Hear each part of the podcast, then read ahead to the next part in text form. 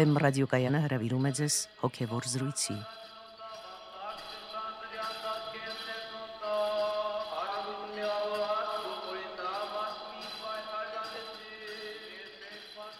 Բարև ձեզ բարեկամներ։ Ձեզ հետ Մանուկ Երգենյանն է։ Այսօր իմ զրուցակիցը Տեր Մեսրոպ Քահանա Արամյանն է։ Օրհնեցեք Տեր այր։ Աստված օրհնի։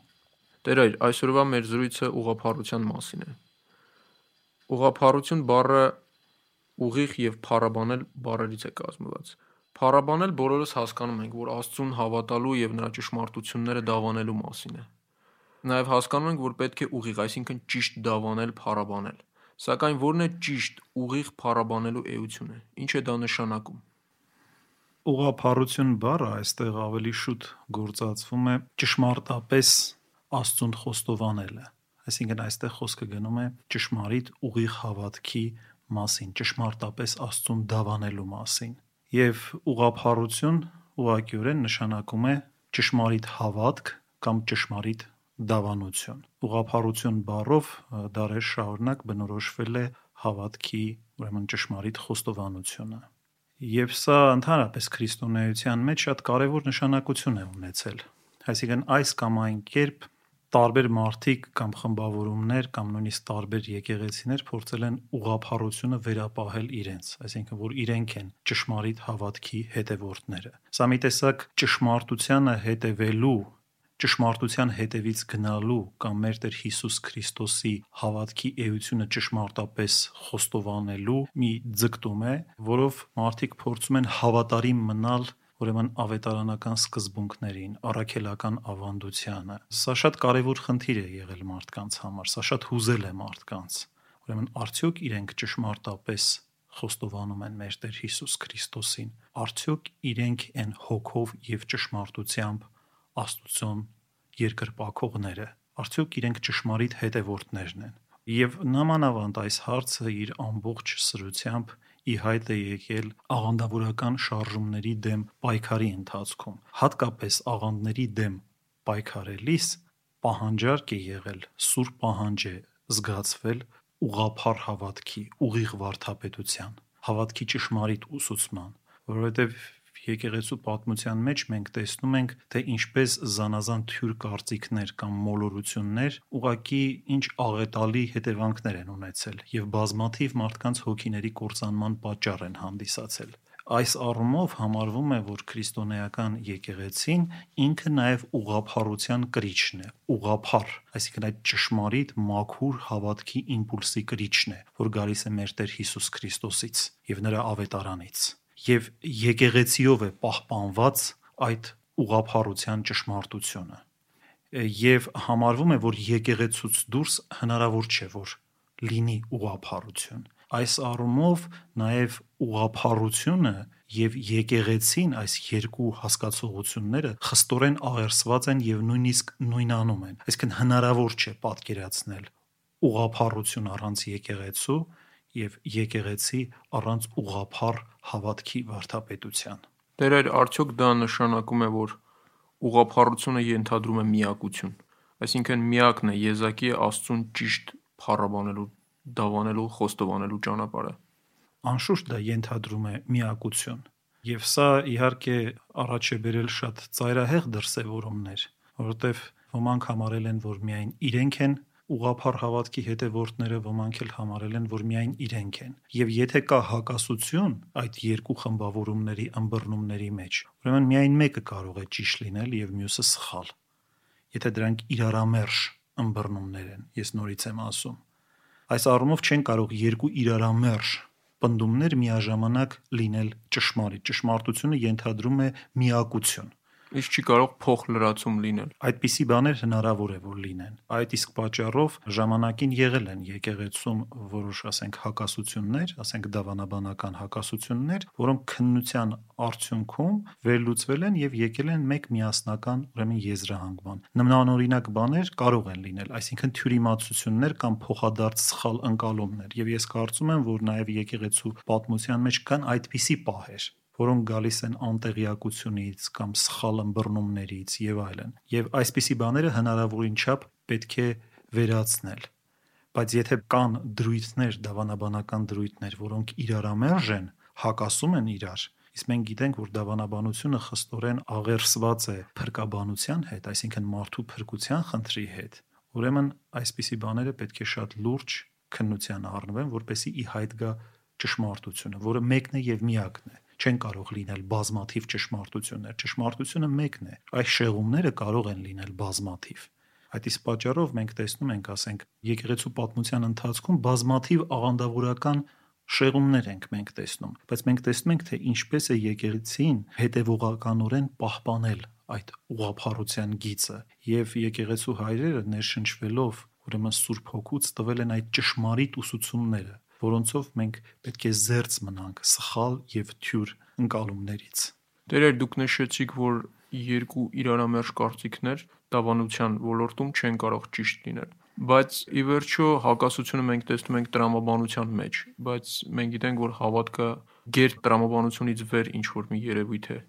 ինչպես կբացատրեք այս բaragան Ես ոչ միայն կրոնի մեջ նկատի ունեի, ես ընդհանրապես նկատի ունեմ փիլիսոփայության մեջ եւ նույնիսկ տրամաբանության մեջ։ Չէ՞ որ մենք ճշմարտության հետ կապում ենք որոշակի աբսոլյուտ համակարգ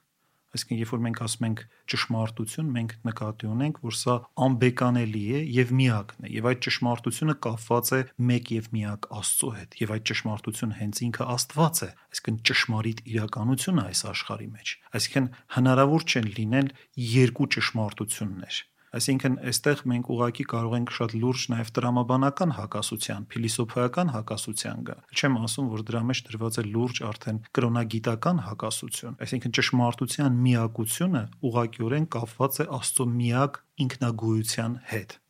Հետևաբար այն չի կարող լինել երկուսը։ Եթե երկու ճշմարտություններ կան, ապա կամ դրանք միևնույն բանի մասին են խոսում, այսինքն իրար փոխ լրացնում են, կամ հակասում են իրար։ Եթե մի փոքր պատմական ակնարկ կատարենք, կարող ենք փաստել, որ քրիստոնեական եկեղեցու պայքարի ամենակարևոր ճակատներից մեկը ուղափառության պաշտպանությունն է եղել։ Եթե նույնիսկ դա եղել է ընդհանրապես այսպես ասած արտաքին հայտարարված շերտ այն բազում արճակատումների եւ պայքարների, որոնցով լիքն է մեր եկեղեցական պատմությունը, համենայն դեպս դա նշանակում է, որ ուղափառությունը հիմնարար կետն է եղել քրիստոնեական հավատքի մեջ Այ ինչու է կարևոր ուղղափառությունը քրիստոնյայի համար։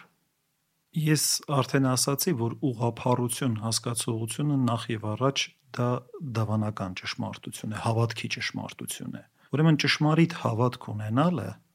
դա քրիստոնեական կյանքի հիմքն է։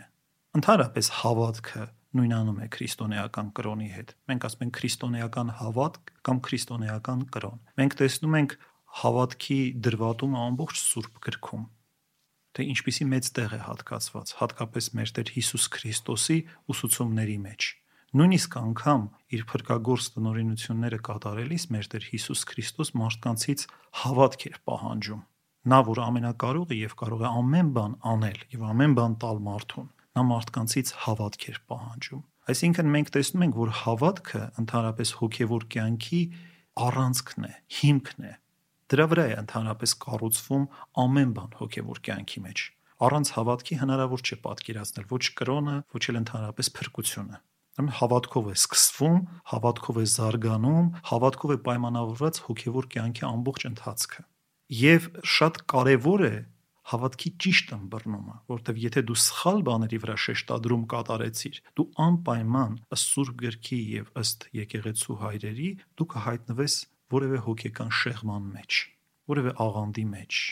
որևէ կործանարար մի իրավիճակի մեջ կարող ես հայտնվել։ Սա նրանք բազմիցս զգուշացնում են եւ պատմականորեն մենք դա տեսնում ենք, թե շեղումները ինչ հետևանքների կարող են հասցնել։ Եվ նաև ուղափառ հավատքը համարվել է այն անսասան վեմը, ինչի մասին որ ասեցի, որի վրա ընդհանրապես կառուցված է քրիստոնեական եկեղեցին։ Ուղափառ հավատքի խոստովանությունը մենք տեսնում ենք, որ երբ որ Պետրոսը խոստովանեց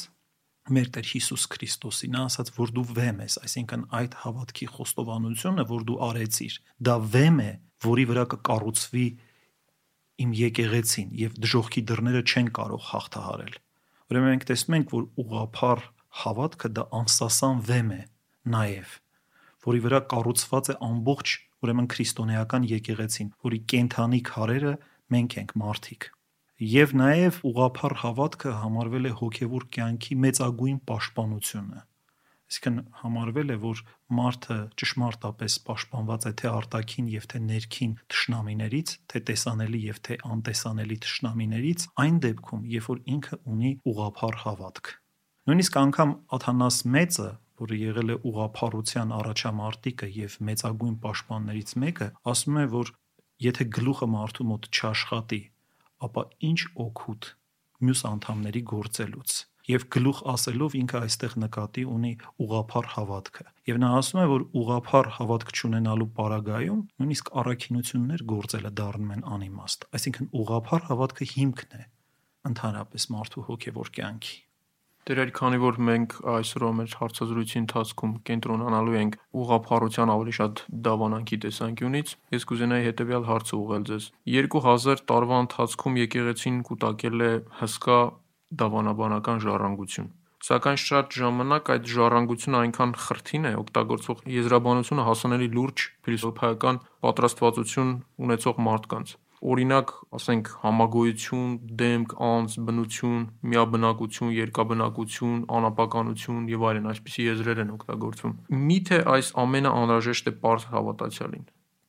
Միթե Քրիստոս չի պահանջում པարզ հավատ, որ հասանելի է անգամ ամենաանգրակետին եւ որը կայանում է սրտի մեջ եւ ոչ թե տրամաբանության ոլորտում։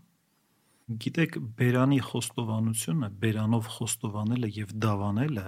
դա քո սրտում արձանագրված հավատքի անհրաժեշտ դրսևորումներից մեկն է, այս մասին է խոսում Պողոս Արաքյալը։ Բացի դրանից, եկեղեցին իհարկե ժամանակ առ ժամանակ պայքարելով աղանդավորական շարժումների դեմ անհրաժեշտ է համարել սահմանել, սահմանագծել անհրաժեշտ կուր եզրերով ուղափառ հավատքը։ Եվ բացի դրանից, եկեղեցին տվել է որոշ փիլիսոփայական ձևակերպումներ հավատքի։ Սրանք շատ կարևոր են։ Եվ ոչ միայն այս, որքան էլ որ տարօրինակ լինի, եկեղեցին բավականին լուրջ վերաբերմունք ունի իր հավատացյալների նկատմամբ։ Այսինքն եկեղեցին պահանջում է, որ հավատացյալները նույնպես մասնակից լինեն այդ փիլիսոփայության մեջ։ Մենք այսօր ամեն օր նիկիական հանգանակն ենք արտասանում եկեղեցիներում բայց եթե ուշադրություն դարձնենք այդ հանգանակի վրա, մենք կտեսնենք դա շատ լուրջ փիլիսոփայական տեքստ է։ Այսինքն այն ինչ որ որ մենք կարդում ենք։ Իհարկե դրանք մեր հավատքի սահմանումներն են, բայց ամեն մի նախադասությունը դա շատ խիտ ինֆորմացիա է պարունակում, շատ խիտ։ Դա շատ խիտ փիլիսոփայական տեքստ է եւ դա անհրաժեշտ է եղել, որպեսի դու սահմանես քո հավատքը։ Դա նաև գիտակցական ակտ է, հավատքի գիտակցման, հավատքի ինքնագիտակցման ակտ է, թե դու ինչի ես հավատում։ Եվ դու պետք է կարողանաս ասել, թե դու ինչի ես հավատում։ Սա շատ կարևոր է։ Չի կարելի երբեք խուսափել դրանից։ Իհարկե, ասենք դավանաբանության մեջ կան շատ բարդ թեմաներ, շատ բարդ, որոնք վերապահված են վարդապետական քննարկումների, լուրջ դավանաբանական քննարկումների, այսինքն ամեն մարդ չի կարող համապատրաստի մտնել նման օրինակ բաների մեջ։ Եվ նույնիսկ եկեղեցու հայրերը խորհուրդ չեն տալիս, որ ամեն ոգ նետվի նման օրինակ քննարկումների գիրկը, եւ շատ հաճախ դա կարող է ուղակի անպատրաստության հետևանքով ուրիշ մի ծայրահեղության տանել։ Եվ մենք տեսնում ենք նաեւ եկեղեցու պատմության մեջ սա, որ կարող է մեկ աղանդ առաջանալ մեկ այլ աղանդի ծայրահեղ քննադատության հետևանքով։ Այսինքն քննադատության մեջ էլ պետք է պահպանել հավասարակշռությունը։ Եթե հավասարակշռությունը կորցրեցիր, դու կարող ես հակադիր հերձվածի, հակադիր հերետիկոսության մեջ հայտնվել։ Այս առումով պետք է մարդիկ ուրախadir լինեն, բայց ինչ վերաբերվում է հավատքի հիմնարար ճշմարտություններին յուրաքանչյուր մարդ պետք է ինքնագիտակցի դա այսինքն յուրաքանչյուր մարդ պետք է բանականորեն խոսքով, բանով պետք է ֆիքսի իր սրտի հավատքը իր գիտակցության մեջ,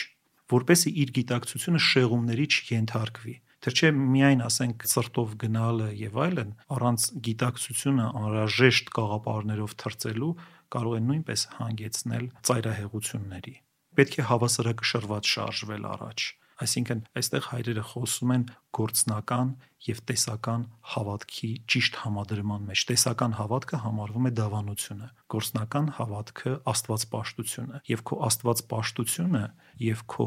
դավանությունը, այսինքն հավատքդ, պետք է զուգընթաց լինեն,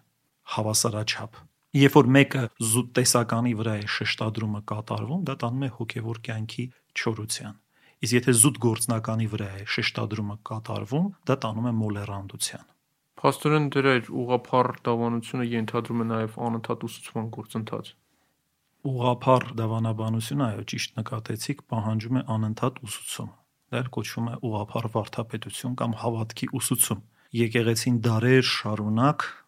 իր հոտին ջամբել է ուղափառ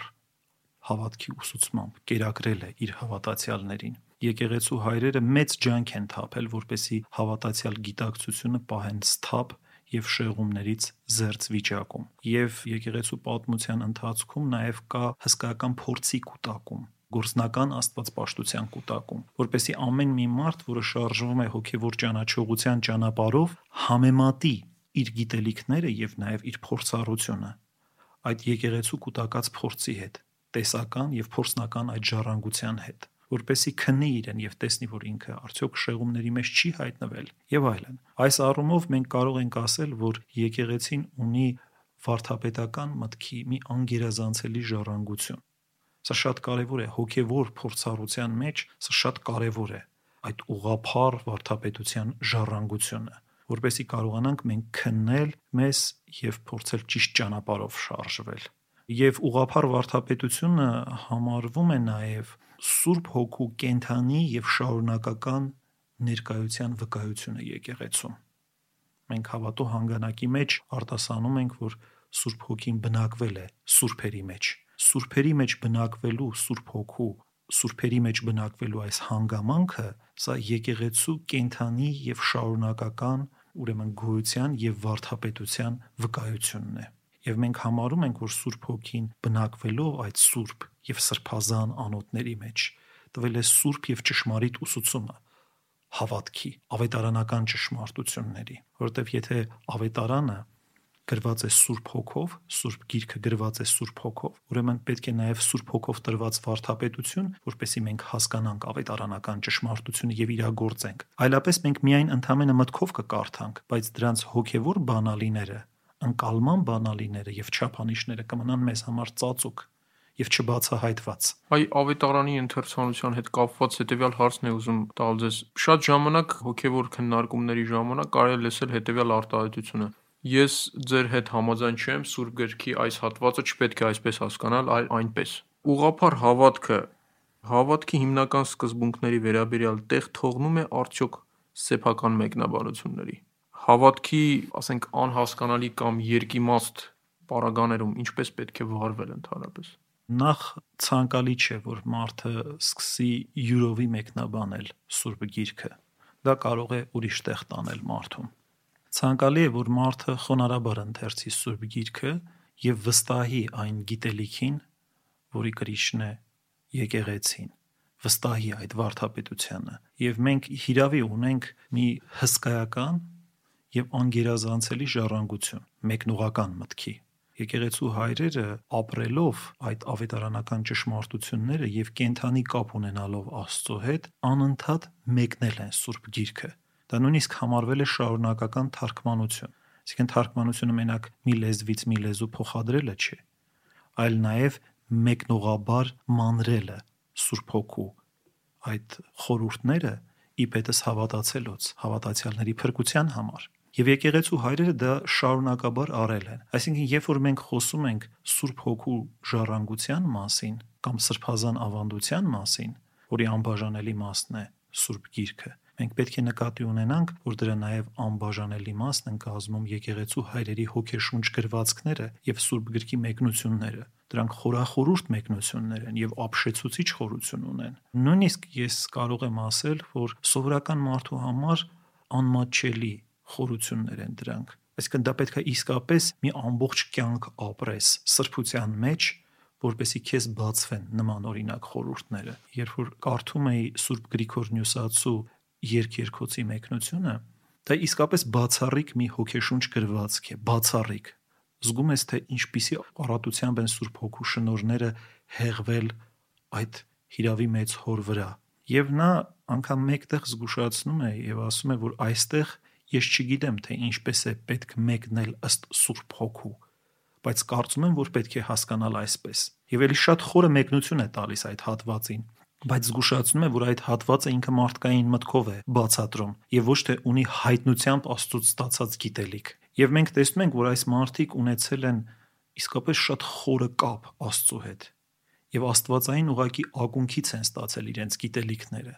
Որևէ մեկը այսօր լսելով տաթևացու քարոզները երևակայել անգամ չի կարող, որ ինքը մեկ կյանքի ընթացքում կարող է հասնել այդ մեկնողական մտքի այդպիսի խորությունների ապշում ես ուղակի այդ խորության վրա բայց դա իհարկե գալիս է նրանց սրբությունից եւ գալիս է Աստծո հետ մերձավորագույն հարաբերությունից ուրեմն մենք պետք է վստահենք այդ գիտելիքին եւ այդ գիտելիքի վրա հիմնվելով պետք է պատկերացում կազմենք սուրբ գրքի մասին իհարկե յուրաքանչյուր մարդ կարող է նաև ունենալ անհատական հայտնություն Աստծուց դա չի բացառվում որ որևէ մեկը սրբաբար ապրելուց կարող է ունենալ անհատական հայտնություն բայց այդ հայտնությունները լինում են անհատական, այդ հայտնությունները լինում են շատ հաճախ երբեմն սուբյեկտիվ, բայց դա դեռ չի նշանակում, որ այդ հայտնությունը ունի նաև ունիվերսալ եւ օբյեկտիվ բնույթ։ Այսինքն ես նկատի ունեմ, որ այդ հայտնությունը կարող է դառնալ եկեղեցու ուսուցման առարկա։ Դերեր կուզենայի նաև ուղափառության եզրի հետ կապված մի հարց ճշտել չխորանալով այդ հարցի մեջ։ Քրիստոնեության երեք հիմնական ճյուղերից մեկը կոչվում է ուղափառություն կամ օրթոդոքսություն, որը արտահայտված է եկեղեցիների անվան մեջ, օրինակ հույն օրթոդոքս եկեղեցի կամ ռուսաց օրթոդոքս եկեղեցի։ Նախ մենք ինչու չենք օգտագործում ուղափառ անվանումը եւ արդյոք մեզ համար ընդունելի է օրինակ հույն եկեղեցուն անվանել ուղափառ, քանի որ մենք գիտենք, որ լուրջ դավանաբանական տարբերություններ ունենք։ Հիմա բուն դավանաբանական եզրաբանությունը պետք է տարբերել դիպլոմատիկ եզրաբանությունից։ Եթե խոսում է, այսպես ասած, դիպլոմատիկ եզրաբանության մասին, այո, դա գործածվում է։ Ինչ վերաբերում է մեր եկեղեցու ամբողջական անվանվանը, ապա կարող եմ ասել, որ հայ առաքելական եկեղեցու ամբողջական անվանումն է հայ առաքելական ուղափառ Սուրբ եկեղեցի։ Այսինքն ուղափառ բառը մենք էլ ենք գործածում։ Արևելյան եկեղեցիների ընդհանուր անվանումը այսինքն հայ, ղպտի,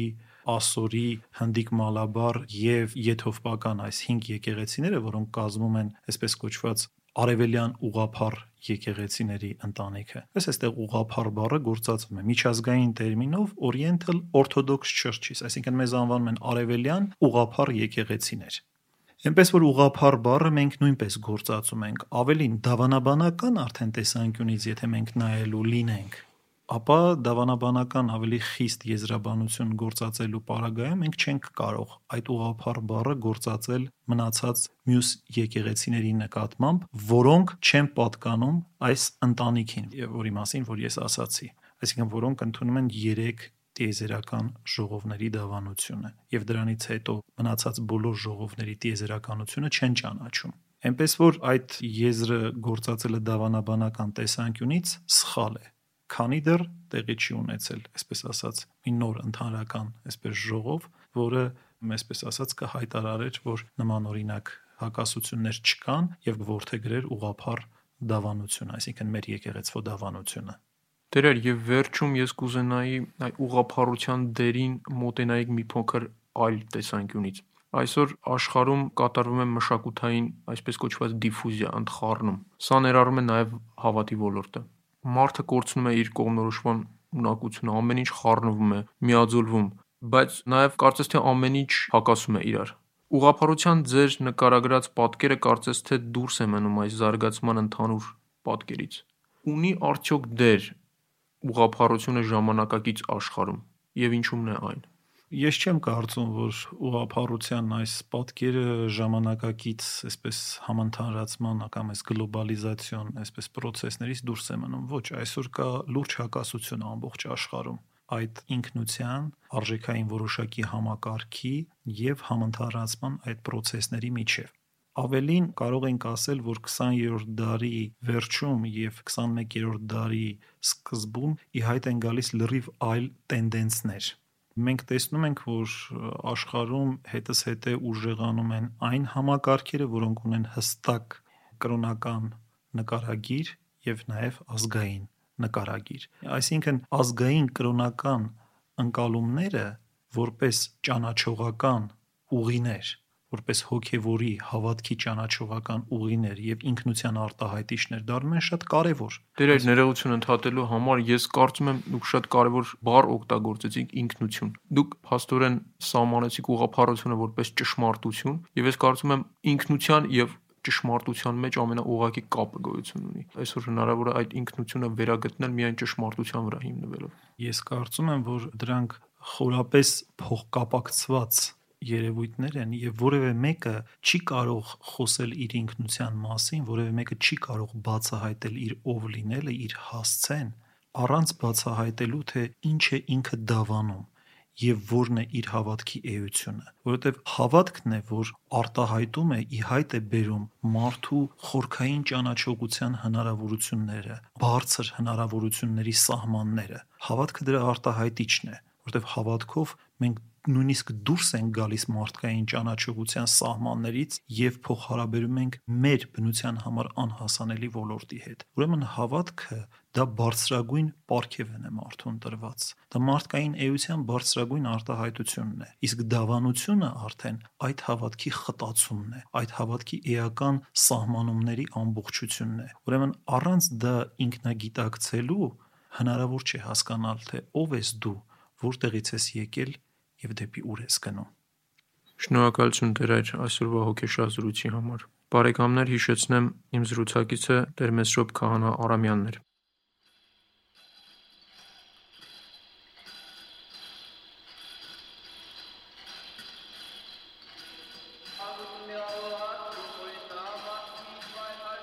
Հոգևոր զրույցներ հաղորդաշարի հերթական հաղորդումը վարեց Մանուկ Հերգնյանը։